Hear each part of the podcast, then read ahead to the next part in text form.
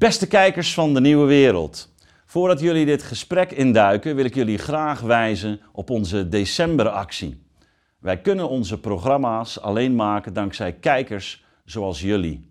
Vorig jaar hadden we bijna 5000 donateurs en daar willen we dit jaar natuurlijk graag overheen. Help ons dus en steun ons door te klikken op de link rechtsboven in beeld of ga naar de beschrijving hieronder. Ik dank jullie bij voorbaat van harte. Welkom bij de Nieuwe Wereld. Verdiepende gesprekken in een tijd van verandering. Mijn naam is Ad Verbrugge en vandaag is bij mij te gast Pankras Pauw, oprichter en directeur van Be United.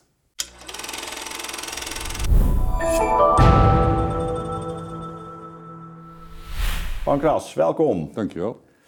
Ja, nieuwe jaar. Uh, we hebben binnenkort weer een uh, bijeenkomst van uh, de World Economic eh, Forum. Heb jij ook een uitnodiging ontvangen? Nee, daar hebben we vanuit United geen uitnodiging voor. Nee. nee, nee. ik, ik weet ook niet of ik hem geaccepteerd zou hebben, maar het is volgende week de hele week, hè, van 16 tot 20 januari. En als je daarnaar kijkt en je kijkt van wie worden daar nou uitgenodigd, dan Ja. heb je het over royals, heb je het over bestuurders van een land, ministers, heb je het over Ja. multinationals en bankaire instellingen. Die, die zitten daar, met andere woorden het grootbedrijf. En Bono waarschijnlijk, hè? Of niet? Ja, dat, dat is denk ik voor de publiciteit. Men, men, men nodigt altijd wel een enkel Ja. individu uit, maar dat is dan om een klein beetje aan, eh, aansluiting te houden en te hebben, denk ik, met het gewone volk. Maar het midden- en kleinbedrijf wordt daar niet meer uitgenodigd. Er is van, vanuit Nederland, als je kijkt naar de vertegenwoordiging Mhm. van de Nederlandse vertegenwoordiging voor de komende week, is er niemand die het midden- en kleinbedrijf vertegenwoordigt. En dat is natuurlijk heel gek. Zijn, zijn jullie eh, irrelevant in het proces van eh, eh, globalisering? Oh, dat is een hele goede vraag. Zijn we irrelevant? Ja, ik denk het wel. Als je, als je daar in zoverre irrelevant. wat je ziet is ook het midden- en kleinbedrijf dat daar ook een soort van globalisering plaatsvindt. Daar zie je ook een concentratieslag plaatsvinden. Steeds meer bedrijven worden opgekocht door binnenlandse of buitenlandse holdings die dat samenvoegen. En ik denk dat dat gebeurt, of ik weet eigenlijk wel zeker dat het gebeurt, omdat dat zeg maar de, de aanvoerlijnen vergemakkelijkt. Als je, in Nederland heb je 450.000 eh, vennootschappen die je tot midden- en kleinbedrijf kan rekenen. Als je daarmee moet onderhandelen om alles op de juiste manier, just in time delivered en via één lijn en maximalisering van winst eruit te halen, is dat best wel een dingetje. Ja. En op het moment dat je dat uit kan sluiten, omdat je steeds meer zeg maar, vanuit één lijn kan werken, vanuit één grote aanvoerroute, ja, dan, dan, dan heb je niks aan dat midden- en kleinbedrijf. Het is te divers, het is te onafhankelijk, te zelfstandig ook. Het zijn allemaal ondernemers die het liefst zelfstandig acteren. Ja, Dus het is een, een wat vertekend beeld wanneer we aan de ene kant eh, zien dat, dat het aantal eh, zelfstandige ondernemers toeneemt. En ik geloof dat dat nog steeds. eh, en, en aan de andere kant zeg jij, vindt er een consolidatieslag plaats. Van, betekent dat ook dat er meer een soort van franchise-structuren ontstaan? Of, of, of zijn het eenmans? Wat, wat, is er dan gaande in dat Nou, midden- en je, je, ziet, je ziet beide. Je ziet zeg maar, in de tandartsenwereld zie je dat heel veel tandartsen stoppen. Hun kinderen nemen het niet over. En vervolgens ook dreigen te stoppen of moeten stoppen omdat ze. 50, 55, 60 jaar zijn. En dan wordt dan zo'n bedrijf wordt opgekocht. De tandarts blijft daar gewoon nog werken. En uiteindelijk wordt het een soort franchise-organisatie, wordt het later samengevoegd. Oké, Dus dat is één beweging en dat zie je in allerlei sectoren al terug. Eh, in 2021 is 30% van het verkochte MKB-bedrijf op aandelenniveau is in buitenlandse handen, holdings eh, verdwenen. Dus dat verdwijnt ook nog naar het buitenland, heeft ook nog fiscale en financiële consequenties. Als je het hebt over de groei van ondernemers, dan zie je heel veel eenmanszaken. ZZP'ers, maar die horen Ja. ook, wat mij betreft ook gewoon bij het MKB, dus het kleinbedrijf. Ja. Eh, ja, ik denk dat dat juist in het voordeel is van het grootbedrijf. Want op het moment dat je heel veel kleine ja. Eh, bedrijfjes hebt die jij kan inzetten, betekent het voor het grootbedrijf twee dingen. Je bent veel slagvaardiger, je kan veel makkelijker mensen in- en uitwisselen. Zonder dat je last hebt van ondernemingsraad Ja. of protesten Ja. of vakbonden of wat dan ook. En eh, in een wat meer op afstand denk ik dat het heel erg helpt in verdelen en heers. Want des te meer mensen eh, op zichzelf staan en niet samenwerken, eh, Ja. des te makkelijker kan je eh, dingen eh, veranderen zonder dat je echt weerstand hebt. Ja. Ja, ja, ik denk dat de, meest schrijnende situaties daarvan zijn we natuurlijk tegengekomen in de pakketbezorging. Ja. Waar, waar ehm, ja, eigenlijk, eigenlijk al- al- allerlei kleine zelfstandigen worden ingehuurd door, ehm, eh, door, door zo'n bedrijf. Eh, maar die op die manier ook eigenlijk mensen tegen elkaar kan uitspelen. Of, ehm, Ja, ja. eh, eh, Ik heb daar een paar jaar geleden al zo'n artikeltje over geschreven. Daar heb ik gezegd, de, de ZZP'er. En ik heb niks tegen mensen die zelfstandig willen ondernemen. Integendeel. Ik bedoel, dat vind ik op zich helemaal oké. Alleen, het lijkt erop alsof, zeg maar... Nee, laat ik het anders. Vroeger was de ZZP'er, of de, de eenmanszaak, was een freelancer. En een freelancer had bijzondere gaven. Die kon iets en die werd ingehuurd voor een bepaald project, traject, ja. klus. En die werd vaak veel beter betaald dan de mensen die daar al werkten in dat bedrijf. Al was het maar omdat hij tijdelijk kwam en, eh, en een bepaalde kennis meenam. Met andere woorden, korte termijn inhuur was altijd duurder dan iemand in loondienst hebben. Inmiddels is dat een soort van omgedraaid. Is het veel interessanter om iemand in te huren dan iemand op loondienstbasis in huis te hebben. En dan zie je dat het doorslaat en dan ja, we eh, bombarderen een hele hoop ZZP's. En dat was ik de titel van mijn artikel toen. Zich terug naar de boerendaggelden van de eind 19e eeuw. ja, scholen dagloners eigenlijk. Ja, en, daar, en, en de grote grap was, dat ging helemaal fout. Ja. Met als gevolg dat we allemaal sociale wetgeving en dat soort dingen hebben gebouwd om juist die mensen te beschermen. Ja, ja, ik, ik, weet niet of je die film eh, hebt gezien eh, een aantal jaren geleden. En ik vond hem echt ijzersterk. Sorry we missed you. Nee, Moet je maar eens kijken. Het gaat, Ja. gaat precies over ehm, een, een pakketbezorger in, eh, in, in Engeland. En maar waarin heel het idee eigenlijk van ondernemerschap ehm, zo'n man ook, eh, ehm, ja, je zou kunnen zeggen, tot verdwazing brengt. Want hij heeft het idee van ik ben zelf. Maar eigenlijk is, is het inderdaad een soort dagloner geworden. Maar goed, dat is één segment. Hè. Dat, is een, eh, dat is niet per se de, eh, representatief voor alle ZZP'ers. Maar dat is, laten we zeggen, de meer zorgwekkende groep. Ehm, we starten met, eh met World Economic Forum. Het, eh, ik overviel je even met de, met de vraag. Ehm, daar zijn de midden- en kleinbedrijf eh, niet aanwezig. Nee.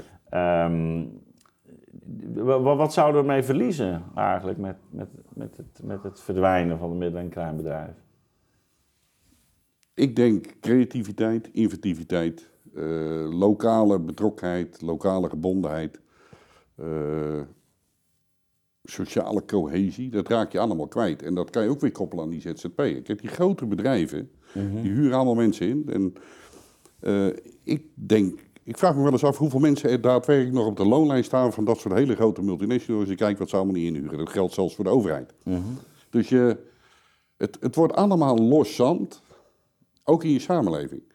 Een, een klein bedrijf, wat, eh, of een midden- en klein bedrijf wat in een bepaalde plaats of regio actief is, die is bezig met sponsoring, die is bezig met naambekendheid lokaal, die is overal wel bij betrokken.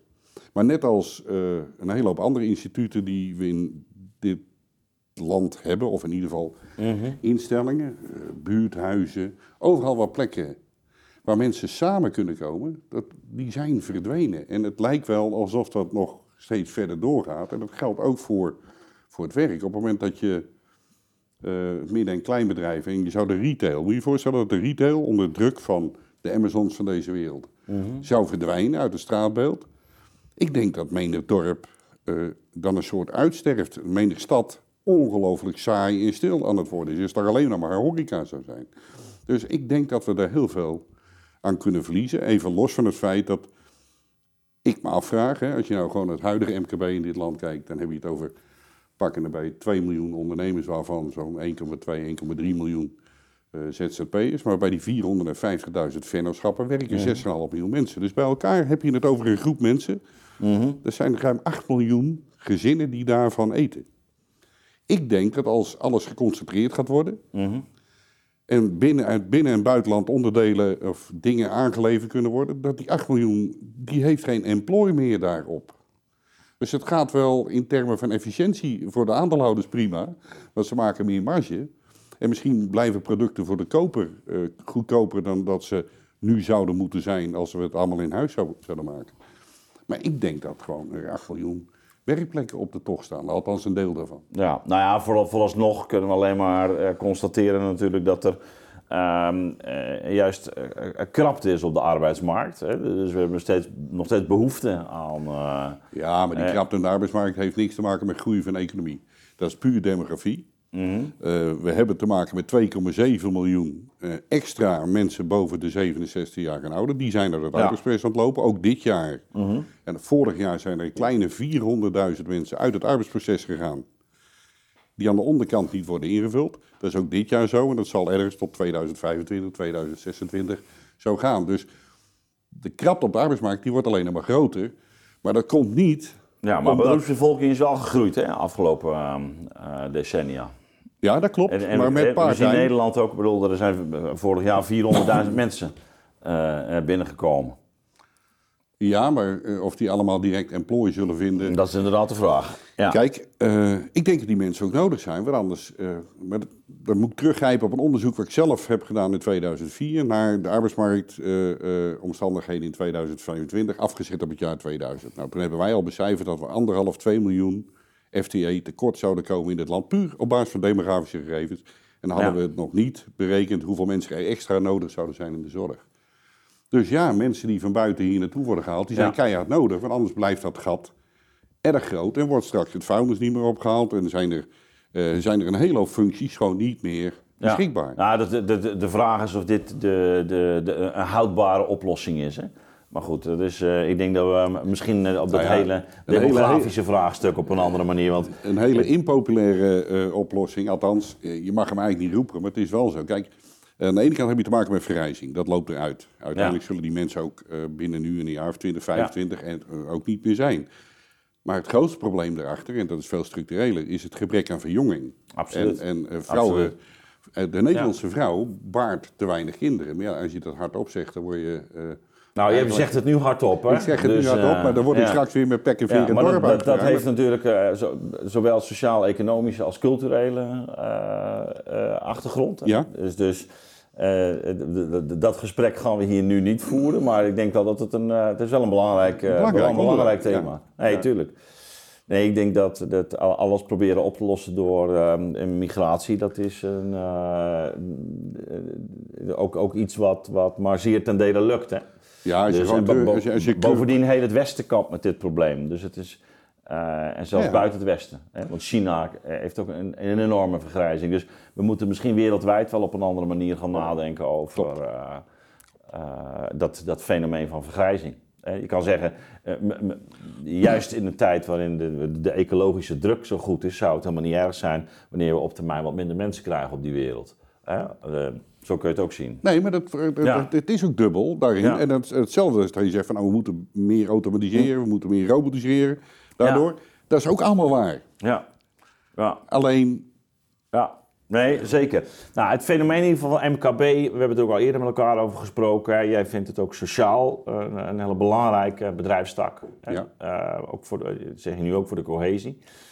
Ehm, eh, tegelijkertijd zien we natuurlijk wel eh, ja, die beweging van, van eh, opschaling, mede als gevolg van technologie, automatisering. Je zei het zo even al, ook al met die ketens.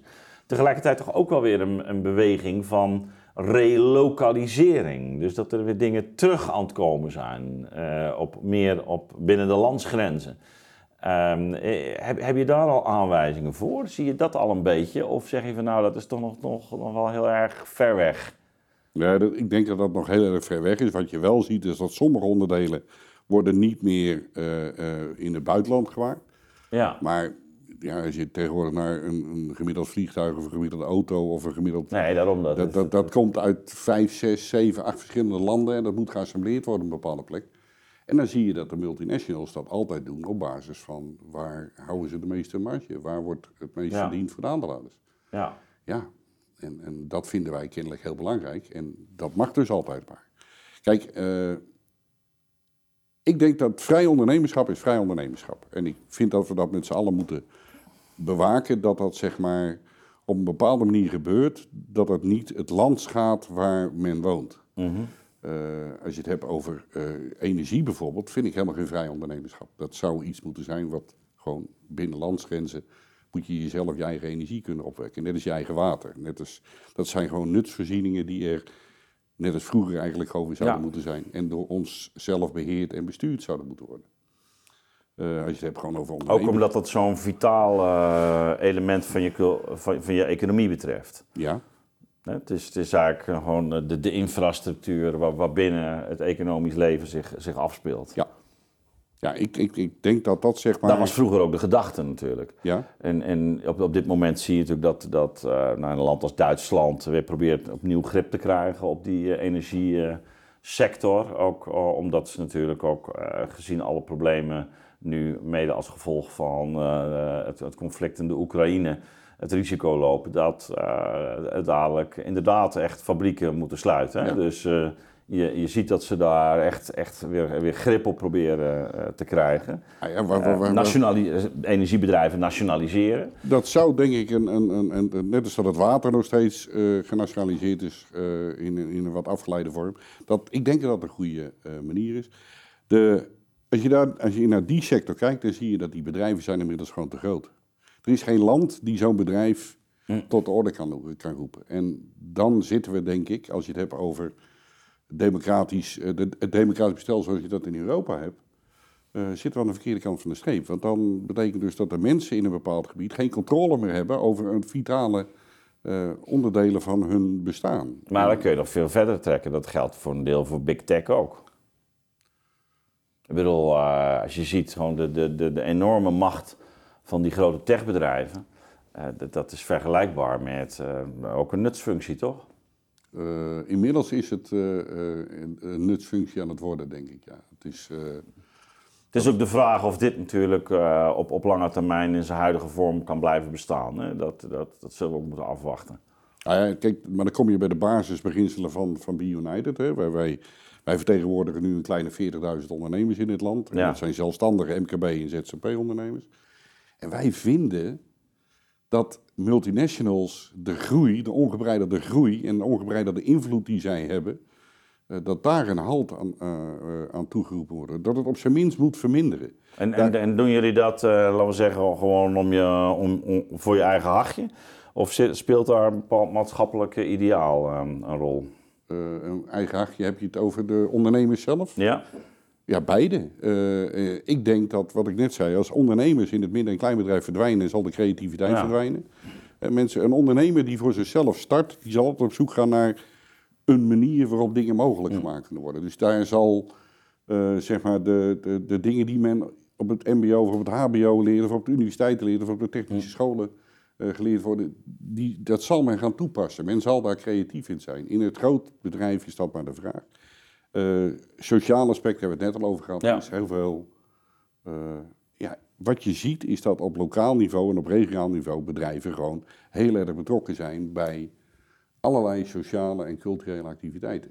En die grote bedrijven, en de, dikste nadelen van, van, van een bedrijf aan zich, maar ik, leuk een Amazon, maar die betaalt in Nederland geen VPB en de BTW is ook twijfelachtig.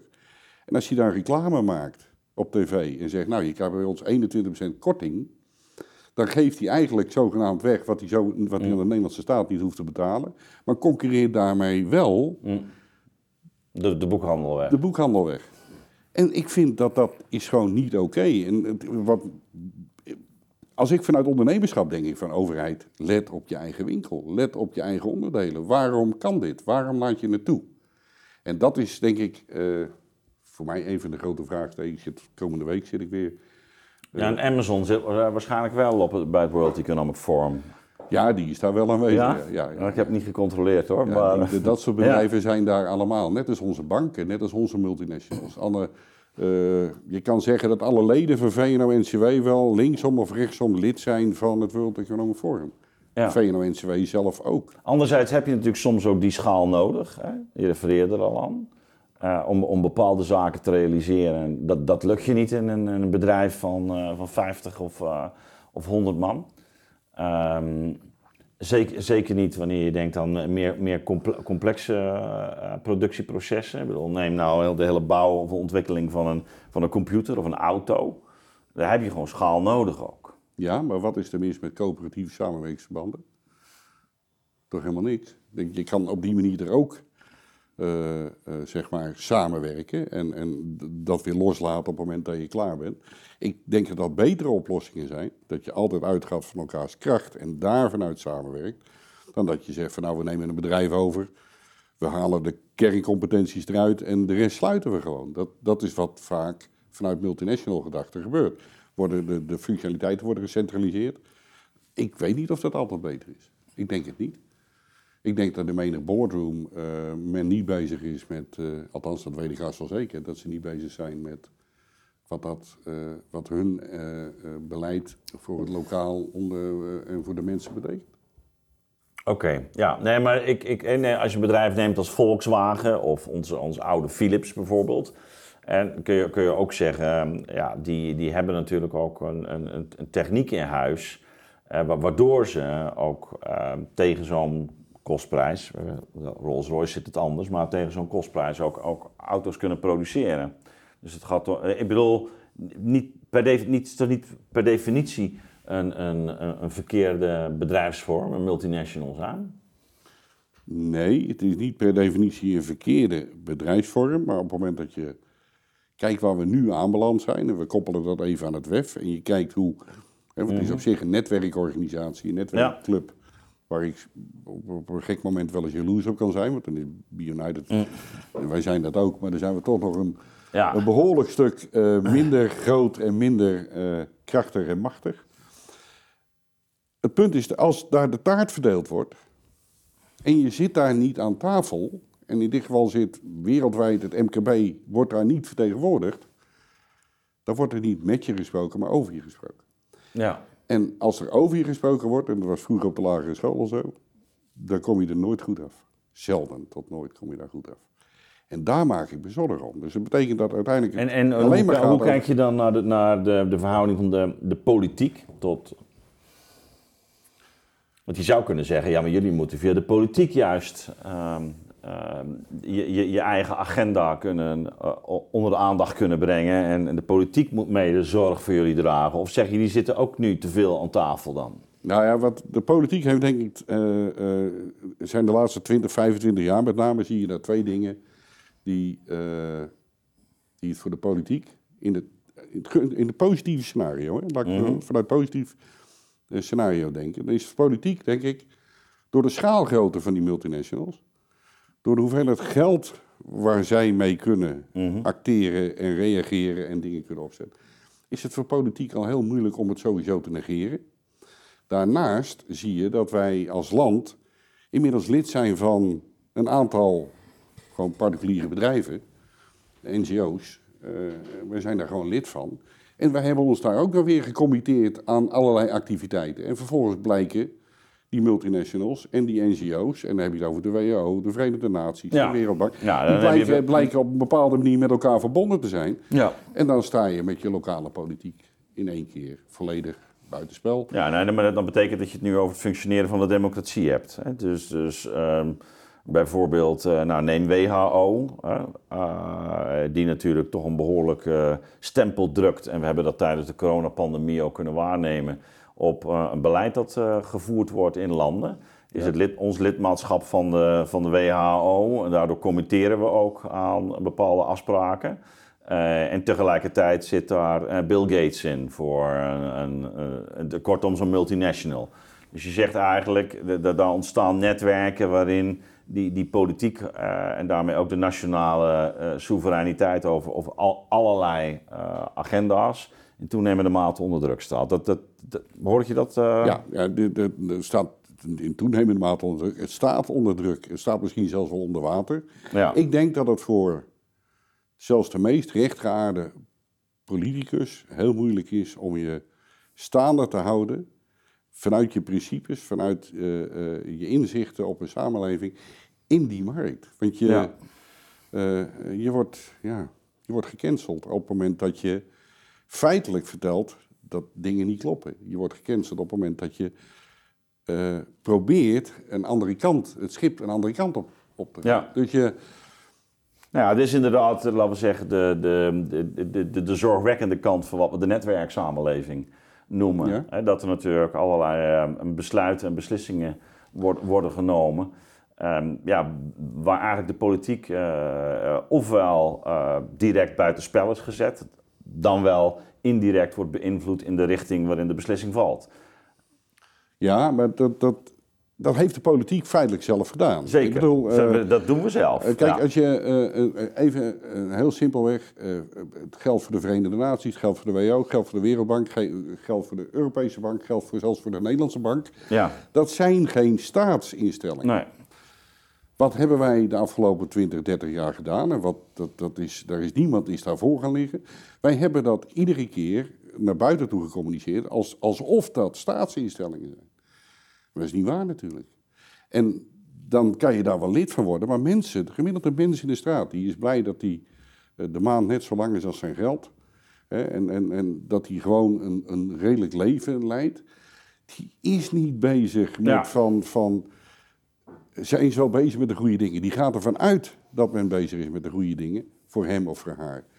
En ik denk dat de hele mensen geen flauw idee hebben. Heel simpel. Ik denk dat de hele mensen heel niet weten dat de Nederlandse bank niet van de Nederlandse staat is. Hm. En, en uh, uh, heel kort uh, zijstapje. Men praat over een Europese bankrekening die we dan allemaal zouden moeten krijgen. CBDC. Mensen moeten wel realiseren dat dat een bankrekening is waar de politiek straks helemaal geen enkele invloed meer op heeft, omdat dat bij een particulier bedrijf gebeurt. Dat gebeurt nou ook, hè, bij een gemiddelde bank. is ook een particulier handel, maar die hebben aandeelhouders. En daar kunnen wij ook naar aandeelhouders van worden. En daar heb je nog enige invloed op, heb je nog enige controle op, ook als overheid. Maar straks niet meer. Ja, ik vind, het is opvallend dat jij ook uh, in, in de hoedanigheid, ook als directeur van Be United en daarmee uh, als belangenbehartiger voor dat midden- en kleinbedrijf, je, je toch hierover zorgen maakt. Ja. Ehm, want, want kennelijk zie je dat toch ook als een, als een ontwikkeling uh, die, die, die jouw leden, jouw achterban uh, direct uh, ja, negatief be beïnvloedt. Ehm, als, als iets wat in ieder geval niet een neutrale ontwikkeling is waar jullie niks mee te maken hebben, maar die wel degelijk ook um, zijn weerslag heeft op, op, op ja, hoe jullie je bedrijf kunnen, voeren. Ja, dat denk ik van wel. Ik denk dat het heel en, en die Nederlandse samenleving als geheel. Maar dat zeg je dan, dat zeg je dan meneer als, als, meer als bezorgde burger. Ja, maar het, is, zou toch gek zijn dat paramedici die aan de buitenkant worden vastgesteld... bepaalt of iemand nog bij jou wat kan kopen, ja of nee. Dat is heel gek. En dat, dat is één. Maar daarnaast is zo'n zelfstandig ondernemer ook gewoon mens. Ja. En ik denk dat ook gewoon burger. Gewoon die, burger. En, en, voor en vaak meer die, met die lokale betrokkenheid, wat je ja, zegt. En, ja, en welke burger wil nou werkelijk dat alles gecontroleerd wordt van, van hem? Wie wil dat nou? Ja. Nee, dus- zeker.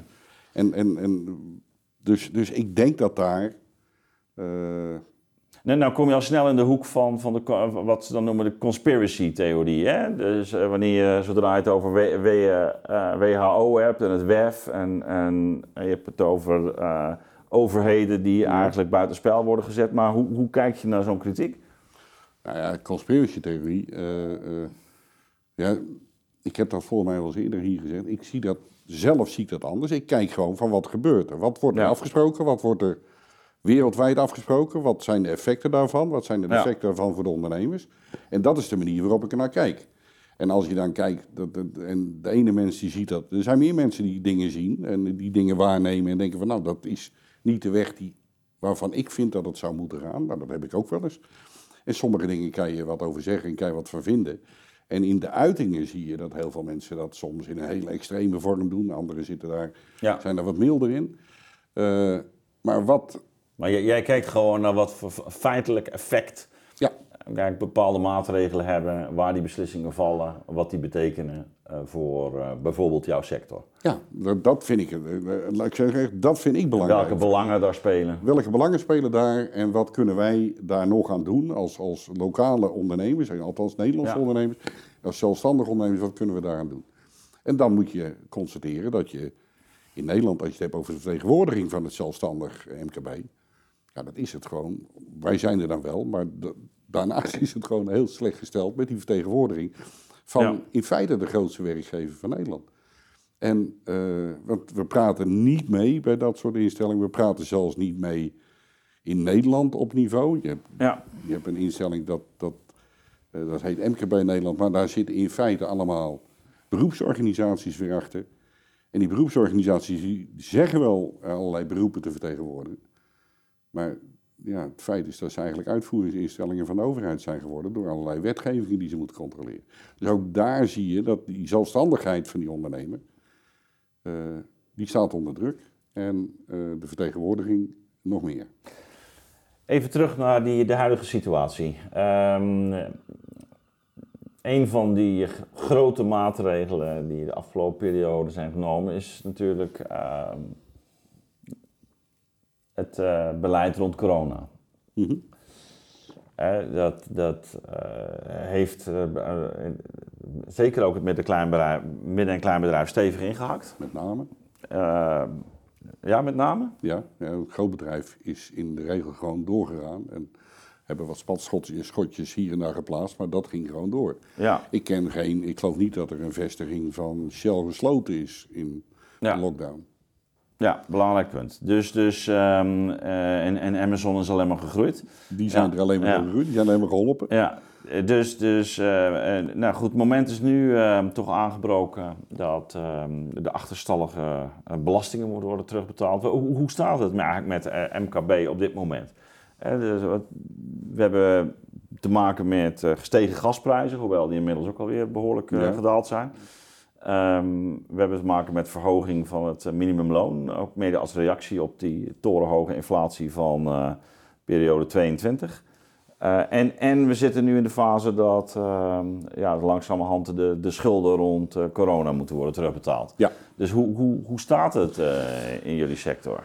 ik denk dat het op dit moment ogenschijnlijk lijkt alsof het MKB er nog wel aardig bij zit. Maar als je, en dat, als je naar het faillissement uh, ja, dat valt mee, kijkt, ja, dat zegt men. Dat is niet waar. Oké. Het is 20% meer dan in 2021. En 20% verhoging van jaar op jaar is veel.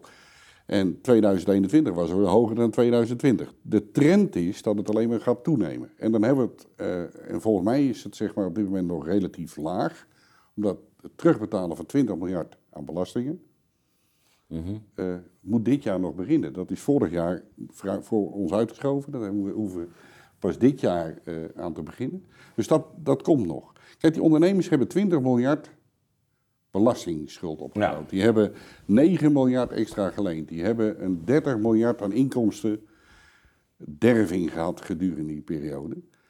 Uh, dus die zijn ook ingeteerd op hun eigen vermogen? Eigen vermogen is bij, bij een groot aantal Michiel. Dus op het moment dat het nu even tegen zit, dan uh, vallen ze om. En op het moment dat die belasting uh, daadwerkelijk betaald moet gaan worden, ja, dan denk ik dat het faillissement niet, nog geen eens, hoe zou ik het zeggen?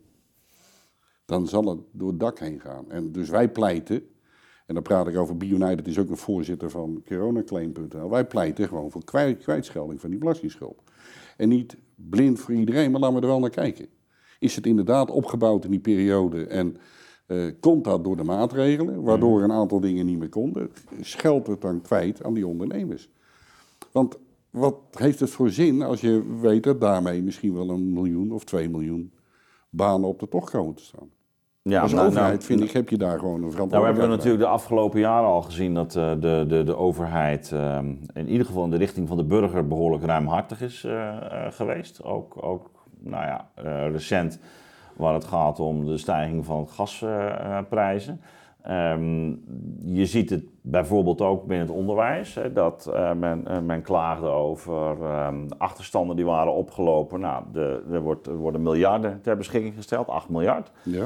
Um, het lijkt wel alsof uh, ieder probleem met, met, met geld wordt uh, opgelost. De andere kant van het verhaal is natuurlijk eh, dat men ook wel zegt: ja, maar er zijn misschien ook bedrijven blijven bestaan. Iemand als Kees de Kort zal dat, zal dat denk ik ook, ook benadrukken. die die misschien gewoon failliet hadden moeten gaan, die juist.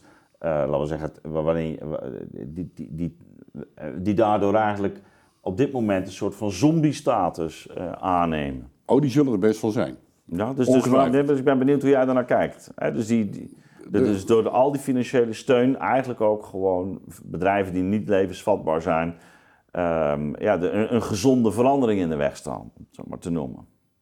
Ja, maar dit, dit, dit, nou, het begint nu heel leuk te worden. Een gezonde verandering in de weg ja. door een afgedwongen situatie. Dat vind ik, dat, daar heb ik Ja, wel moeite mee.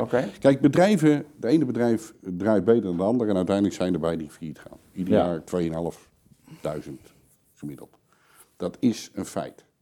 Eh, om nou te zeggen van ja, maar er zullen bedrijven bij zijn die nou de steun krijgen, die hadden anders failliet moeten gaan. Eh, maar daar gaan ze nou niet. Daar zullen er best een paar bij zijn. Maar Ja. ondanks alle steun zijn er ook gewoon in 2020, 2021, 2022 er weer 2 tot 2.500, 3.000 bedrijven failliet gegaan. Dus ja, die redenering kan je erop nahouden. Maar als je die redenering weghaalt, dan zouden er dus nog veel meer faillissementen moeten zijn geweest. Dus dan was het probleem alleen maar groter geweest. Voor wat betreft faillissementen. Dus ik, eh, het zal, er zullen erbij zijn die, die daardoor een, een, een jaar of twee of drie jaar eh, het, het, het noodlot voor zich uit kunnen schuiven. Maar ik geloof niet dat, dat Ja, maar jij, jij zegt dus eigenlijk, ehm, ja, de, de maatregelen die genomen zijn, die zijn dermate ontwrichtend geweest. Die zijn bovendien extern opgelegd. ja, Hè? Eh, daar kun je ook nog over twisten in hoeverre dat eigenlijk in deze vorm nodig was. Hè? Maar goed, dat laten we nu even buiten beschouwing. Het is extern opgelegd door, door, door die calamiteit. Dat is de manier waarop we met de crisis zijn eh, omgegaan. Maar daardoor kon ehm, ja, de, eh, de winkelnering of überhaupt de nering van, van bedrijven eigenlijk niet zijn normale doorgang vinden.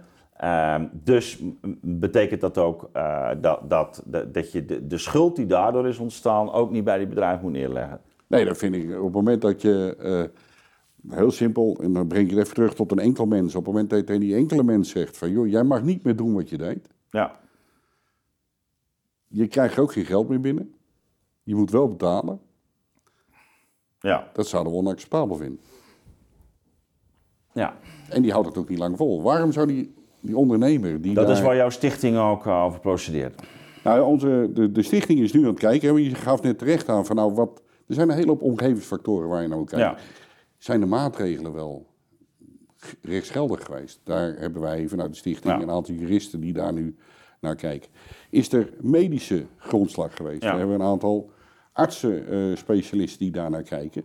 Om uiteindelijk tot een soort van conclusie te komen. Waarbij we zeggen de overheid: je, je hebt je niet van je taak gekweten. Je, je, je, je hebt iets onrechtmatig gedaan. En vanuit die onrechtmatigheid, Ja, ja, dan kan je heel veel praten over dingen van ja, maar er zitten, er zitten ondernemers bij die nu zombiebedrijven zijn geworden. Maar die onrechtmatigheid, ja, daar mag iemand geen schade van onder hebben, toch? Of wel?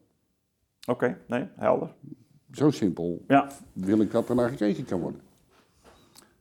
Wa- wanneer eh, gaat die eh, zaak dienen? Ik denk dat we in dit loop van dit jaar eh, daar een, een voldoende zeg maar opbouw achter hebben zitten om te kunnen zeggen van nou, we hebben het nu concreet, we hebben een casus in beeld en op basis van die casus doen we de claim. Oké, hoeveel, hoeveel mensen doen er aan mee op dit moment? Op dit moment zijn we nu met een kleine 700 mensen die daar aan meedoen en wij hopen dat dat meer mensen zullen worden. Laten ze gewoon eens Dus kijken als mensen zitten kijken en ze denken eh, dat de, de- ik, ik ben ook een van die gevallen, Ja. dan, dan kunnen ze zich melden bij, ehm, bij wie? coronaclaim.nl. Coronaclaim.nl. Ehm, even terug naar de, de, de vraag van zo even. Dus, dus hoe hangt de vlag erbij? Je zegt nou, dat, dat, dat, dat ziet er toch iets somberder uit dan je eh, zou denken. Ehm, hè, want eh, ook, ook waar het gaat om ehm, die faillissementen, dan eh, is er een aanzienlijke toename. Ehm, maar wat, wat voor effect heeft bijvoorbeeld die verhoging van het minimumloon? Wat, wat doet dat bij jullie? Of bij, bij een delen van, van, van jouw achterban? Want dat is best stevig, hè?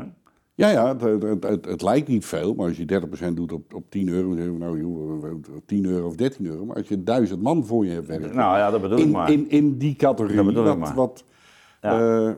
nou, van de week was het nieuws dat, dat het mbo'er, die krijgt gemiddeld meer dan de hbo'er. Maar dan heb je het over uurlonen tussen de 15 en de 20 euro. Dus als je van 10 iets naar 13 euro brengt, Wat zeg je nou? Krijgt, eh, MBO krijgt minder, neem ik aan. nee, tegenwoordig op dit moment krijgt de mbo'er... Oh, op dit moment krijgt hij meer. Ja, ja, ja, vanwege de schaarste. Vanwege de schaarste en het Ja. feit dat hij ook echt wat kan, Ja. zeg maar. Ja, Eh, zeker.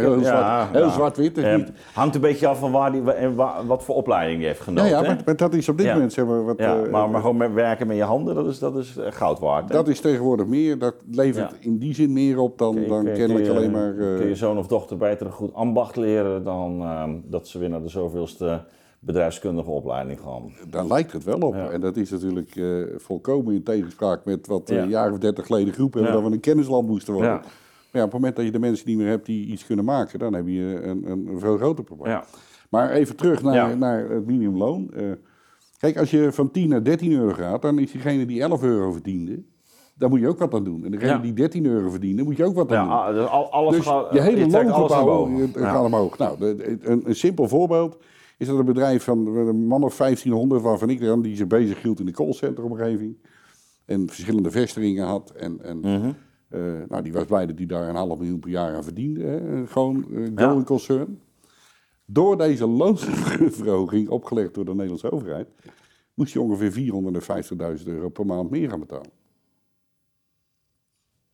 Ja, maar dat betekent dus ook dat ze prijzen naar boven moeten. ja, dan heb je wel een probleem. Je, hebt een, je prijzen moeten omhoog. En wie gaat dat weer betalen? Nou, zo gaan we met elkaar. Dus, Dus jij, jij, jij verwacht, ja, nou ja, maar we moeten, moesten natuurlijk ook wel iets doen. Ik bedoel, als je naar die inflatiecijfers kijkt, en dan is het voor de, laten we zeggen, de, de, de onderkant van de samenleving ook wel heel erg lastig geworden. Hè? ja, maar wat is, A, wat is onderkant van de samenleving? Ik denk dat 80% tot die onderkant van de samenleving hoort. Even los van het feit dat ja mensen nee, maar goed, de, de, de, eh, als je minimumloon hebt en ehm, eh, Ja, maar wat je, gasprijs gaat eh, naar ik- boven, je, huren gaan naar boven. De, ehm, vanuit ondernemerschap vind ik het werkelijk schandalig. Vind Mhm. ik het echt schandalig. Dat dat bij de ondernemers wordt neergelegd. Zeg dan als overheid, we gaan er iets aan de belasting doen. we gaan wat doen aan de belastingdruk. Zeg dan als overheid, we schaffen in ieder geval voor 2023 de verhoging van de eh, belasting op, op energie af. Doe- zoek het dan daarin, maar leg niet die ondernemer de verplichting op. Denk je dan een keer dat MKB onevenredig hard getroffen is door die maatregelen? Nou ja, daar werken de meeste mensen. Dus uiteindelijk wordt Maar alles... misschien, ook- misschien ook meer met minimumloon dan, eh, Ja, ja, denk ik wel. dan bij Shell? Dat vermoeden heb ik wel. Nou, het is nu maar associatie die ik nu ter plekke krijg. Hoor. Ik denk niet dat... het zo is, maar eh, Nou ja, kijk, als je eh, bij het MKB 6,5 miljoen mensen werkzaam en bij ja. de bedrijven als Shell zitten er 2 miljoen. Dus, dus uiteindelijk gewoon puur getalsmatig zullen de, Ja, eh, dus- zal dus- men daar eh, in het MKB eerder door getroffen worden. ja. En het probleem is, je kan het ook, eh, je kan als MKB'er ook niet zeggen van ik doe het niet. Want vaak heb je drie, vier, vijf mensen, ben je heel betrokken, werk je met elkaar. Dus je kan het ook niet, je kan daar niet ingewikkeld over doen. En je bent bang dat mensen ook gaan vertrekken als je het niet doet. ja. Maar je moet je producten omhoog doen. Eh, Uiteindelijk moeten we dat met z'n allen weer betalen. Dus de overheid geeft ons de sigaar het eigen doos door te zeggen dat het minimumloon omhoog moet. ja, maar dat betekent dus dat, dat, dat de prijzen komende eh, tijd nog niet gaan, eh, gaan dalen. Die gaan niet, nee, die gaan nooit meer dalen. Nou ja, die gaan, precies. Die, even los van dat prijzen altijd, dat was met de gevolgen van inflatie, Ja, eh, altijd zullen stijgen. Maar dit, dit maakt het explosief, want het is de cumulatief ook. Iedereen in de keten. nou ja de bekende loonprijsspiraal. Ja, en Ja. het is toch 50, 55 procent van een gemiddeld product komt uit loonkosten. De tegenbeweging is, die zou je ook weer gaan zien. Hè? Dan kom je weer in de, in de contraien van de Amazons van deze wereld terecht. Is dat dan maar zo min mogelijk personeel wordt Dus ingezet. ja, het heet allemaal automatiseerd. Ik zat van de week met verbazing naar een filmpje op tv te kijken in dat kader. Dat dus er experimenten gedaan worden bij horecabedrijven. Ja, dat zag ik ook. Met drones. Oh, met drones. Met drones die het eten aan je tafel komen bezorgen.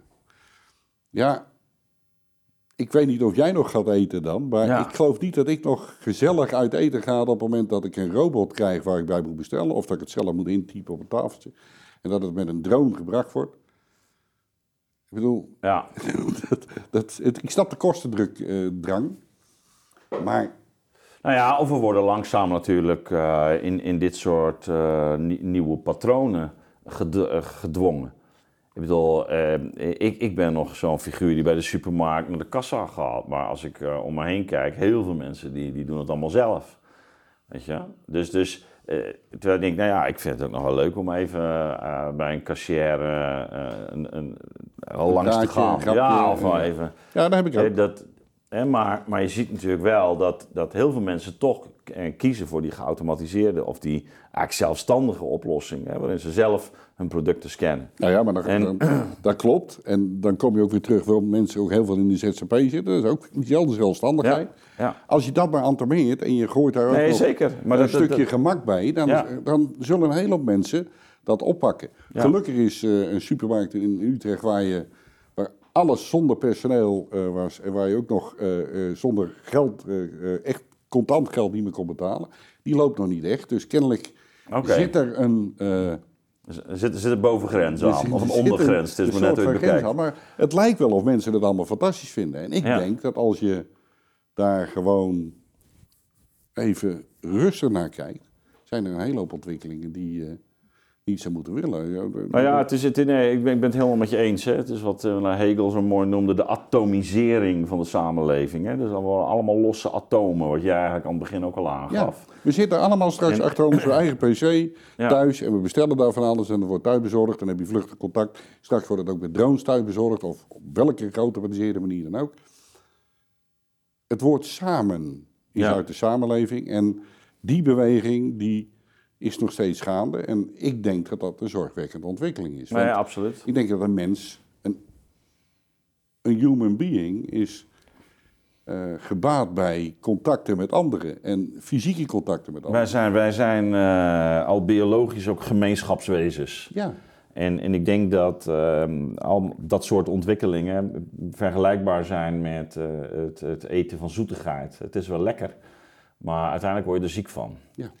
Hè? En, eh, en dat geldt hier ook. Ik denk dat je hebt zelf niet door hoe schadelijk het ook is voor je, voor je geestelijke gezondheid. En dit, eh, ik, ik moet zeggen, ik ga eh, op, op zaterdag regelmatig naar de markt. Ik heb het al vaker gezegd hier. En ik merk dat me dat eigenlijk heel goed doet. Want ik vind het heel fijn om bij een aantal mensen langs te gaan. die ik ken aan die kraam. En dan maak ik Ja. een praatje mee. Dus en ik vergeet, ja, dat is, dat is, eh, daar knap ik van op. Om het zo maar te noemen. En dat is letterlijk ergens bij horen, ergens Ja. mee verbonden zijn. En eh, dat is een ander soort verbinding dan via internet en de, Ja. de, de social media platforms. Nou ja, goed, ben je ook wel verbonden, maar dat is... het onderwijs natuurlijk ook gezien, hè? Hoe, hoeveel eh, kinderen in de coronatijd, ehm, eh, en ook studenten ook trouwens, hè? niet alleen kinderen, maar echt ook studenten, ook jongvolwassenen, eigenlijk depressief werden. Hè. Ja. Gewoon- en, en, omdat ze eigenlijk onvoldoende sociale contacten hadden. En, eh, en tegelijkertijd zien we dat we in die automatisering en in die verscherming van de wereld eigenlijk steeds meer de, juist die sociale contacten, eh, waarin je als mensen van vlees en bloed met elkaar te maken hebt, dat we, eh, dat we die eigenlijk ongedaan maken. Klopt. En tegelijkertijd wordt zeg maar, het vertrouwen in die multinationals wordt steeds belangrijker gemaakt. Dat moeten we Ja. doen. En ik denk dat dat gewoon verkeerd is. Ik, ik, eh, is het nou echt zo slecht als een slager zelf zijn vlees eh, slacht? Is het nou echt zo slecht als die bakker gewoon het brood? Of moet dat per se uit de supermarkt komen, uit een fabriek ver weg, ingevlogen, met ingrediënten waarvan je je af moet vragen Ja. of dat wel goed is voor je? Ehm, zijn er zelf nog zaken waar jij ehm, nog aandacht voor wil vragen, nu we hier toch aan tafel eh, zitten? Nou ja, kijk, eh, de, de, de, de, grote. Als je kijkt waar we het nu over hebben, hè, je hebt het over eh, multinationals, je hebt het over de effecten voor het midden- en kleinbedrijf, je hebt het over wat dat betekent voor de sociale configuratie van landen, Ja. van, van regio's, van steden. Ja, vi- vind ik vanuit BeUnited, en wij zijn ook inmiddels bestuurslid van een stichting, een denktank, eh NPDP, die zich daarmee bezighoudt om democratie eh, eigenlijk te borgen in dit land. En niet alleen, en achter democratie moet je het zo zien dat je daar het ook hebt over gemeenschapszin, over eh, de sociale configuratie. Zorgen dat mensen weer betrokken worden bij elkaar en met elkaar in, op allerlei niveaus. En ik heb daar van de week ook weer wat over geschreven. Het kan niet zo zijn dat democratie is teruggebracht tot de meerderheid in de Tweede Ja. Kamer plus één. Ja. Dat, dat, dat is te weinig. Er wordt te weinig gedebatteerd. Er wordt te weinig overleg gevoerd met elkaar. Er, worden, er wordt te weinig rekening gehouden met allerlei andere standpunten. En eh, ja, dat moet terug in de samenleving. En, en, ik vind ook dat wij als samenleving daar ook veel meer aan zouden moeten doen. Daarom heet BeUnited ook BeUnited. Maar eh, met die stichting willen we juist daar weer aandacht voor vragen. En ook ondernemers betrokken eh, laten, laten zijn bij hoe het anders kan in dit land. En dat het geld is belangrijk, winst maken is belangrijk. Ja, dat klopt allemaal, want je moet daar ieder moet rekening mee betalen. Maar de manier waarop we met elkaar leven, de manier waarop we met elkaar communiceren, de manier waarop we tot elkaar verhouden, is denk ik misschien nog wel belangrijker. Heel zwart-wit dan winstmaak. Ja, en, en jij zegt eigenlijk, uh, gezien uh, de, de wortels van het MKB, die, sterke lokale binding die je over het algemeen aantreft, de verantwoordelijkheid ook voor het, het, hele e economische wel en wee van ons land, kan die, die, sector, ook waar het gaat om de vraag naar gemeenschap en democratie, eigenlijk een hele belangrijke uh, rol spelen. Is, is, is dat ook ja. uh, een soort bewustzijn dat, dat uh, binnen die sector aanwezig is? Of, of begin jij eigenlijk met, met jouw beweging ehm, dat, dat bewustzijn nu, laten we zeggen, te stimuleren? Of, ja, of is het... het, het, je moet het stimuleren. Kijk, de gemiddelde ondernemer, de gemiddelde zelfstandige MKB-ondernemer is een gewone man of vrouw van de straat. Ja, die heeft, gewoon, vindt, die heeft gewoon zijn zaak. En die heeft een zaak, is een zaak begonnen, kan iets heel erg goed, is dat begonnen, heeft daar mensen bij gevonden die dat samen met hem of haar willen doen. Uh, wat, wordt, wat wel eens wordt gedacht, dat, dat de gemiddelde MKB-ondernemer dat een heel erudiet mm.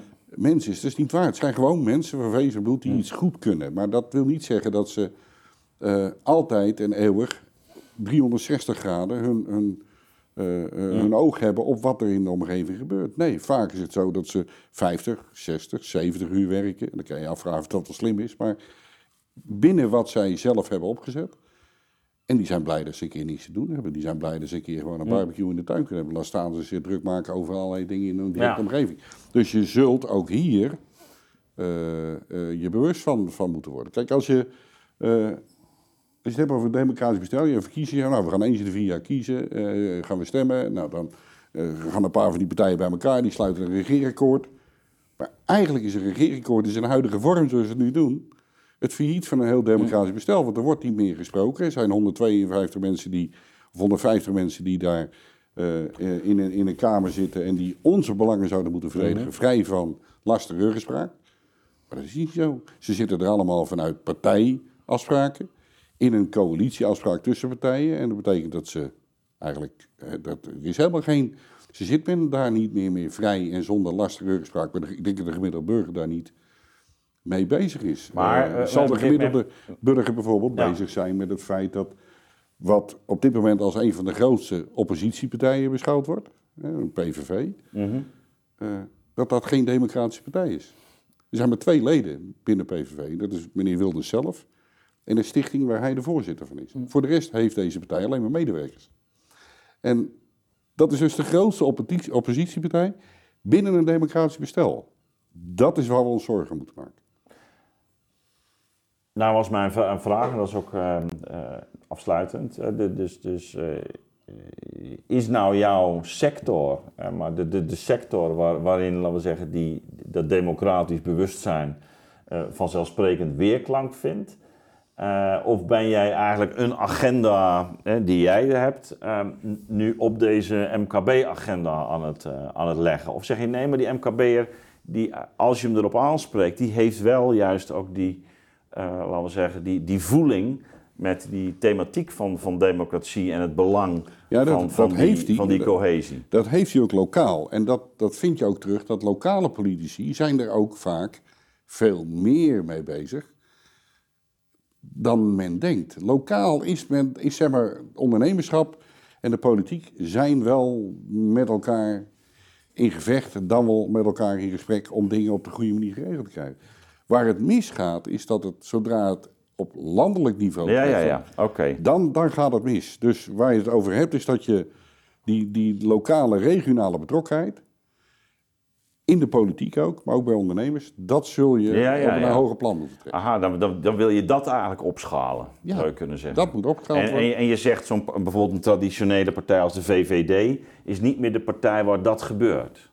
Want dat was toch de, de, de partij ook waar, waar van oudsher ook veel MKB'ers zaten? Ja, maar uh, uh, een hele hoop MKB'ers, ondernemers, hebben in het verleden inderdaad op de VVD gestemd. Uh, nu even een persoonlijke noot, heb ik nooit begrepen. Mm -hmm. Omdat ik eh, de VVD in 30 jaar tijd niet heb kunnen betrappen diezelfde MKB-ondernemer te helpen. Oké.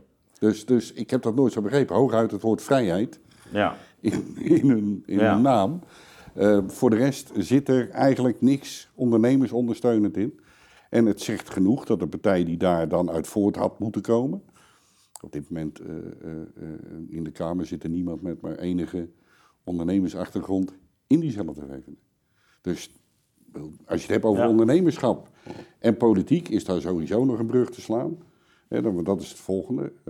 Als je naar de Tweede Kamer kijkt en je kijkt dan naar wat zijn nou de achtergronden van de mensen die daar namens ons zitten en het voor ons zouden moeten regelen op de manier die voor ons het beste zou moeten zijn op enig moment.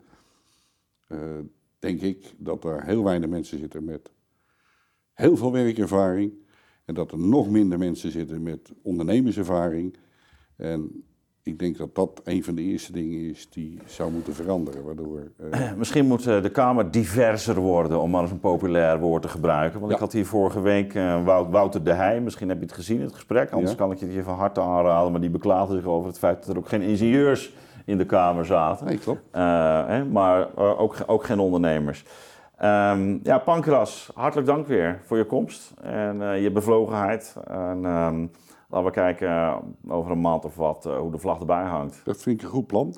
En ondertussen, laat mensen gewoon eens een keer kijken naar biounited.nl. Ja, Kijk eens rond wat we voor je kunnen betekenen. Het is niet alleen netwerk, het is belangenbehartiging, het zijn hulploketten. Wees welkom, Be United. heel goed. Hey, dankjewel. Dank je.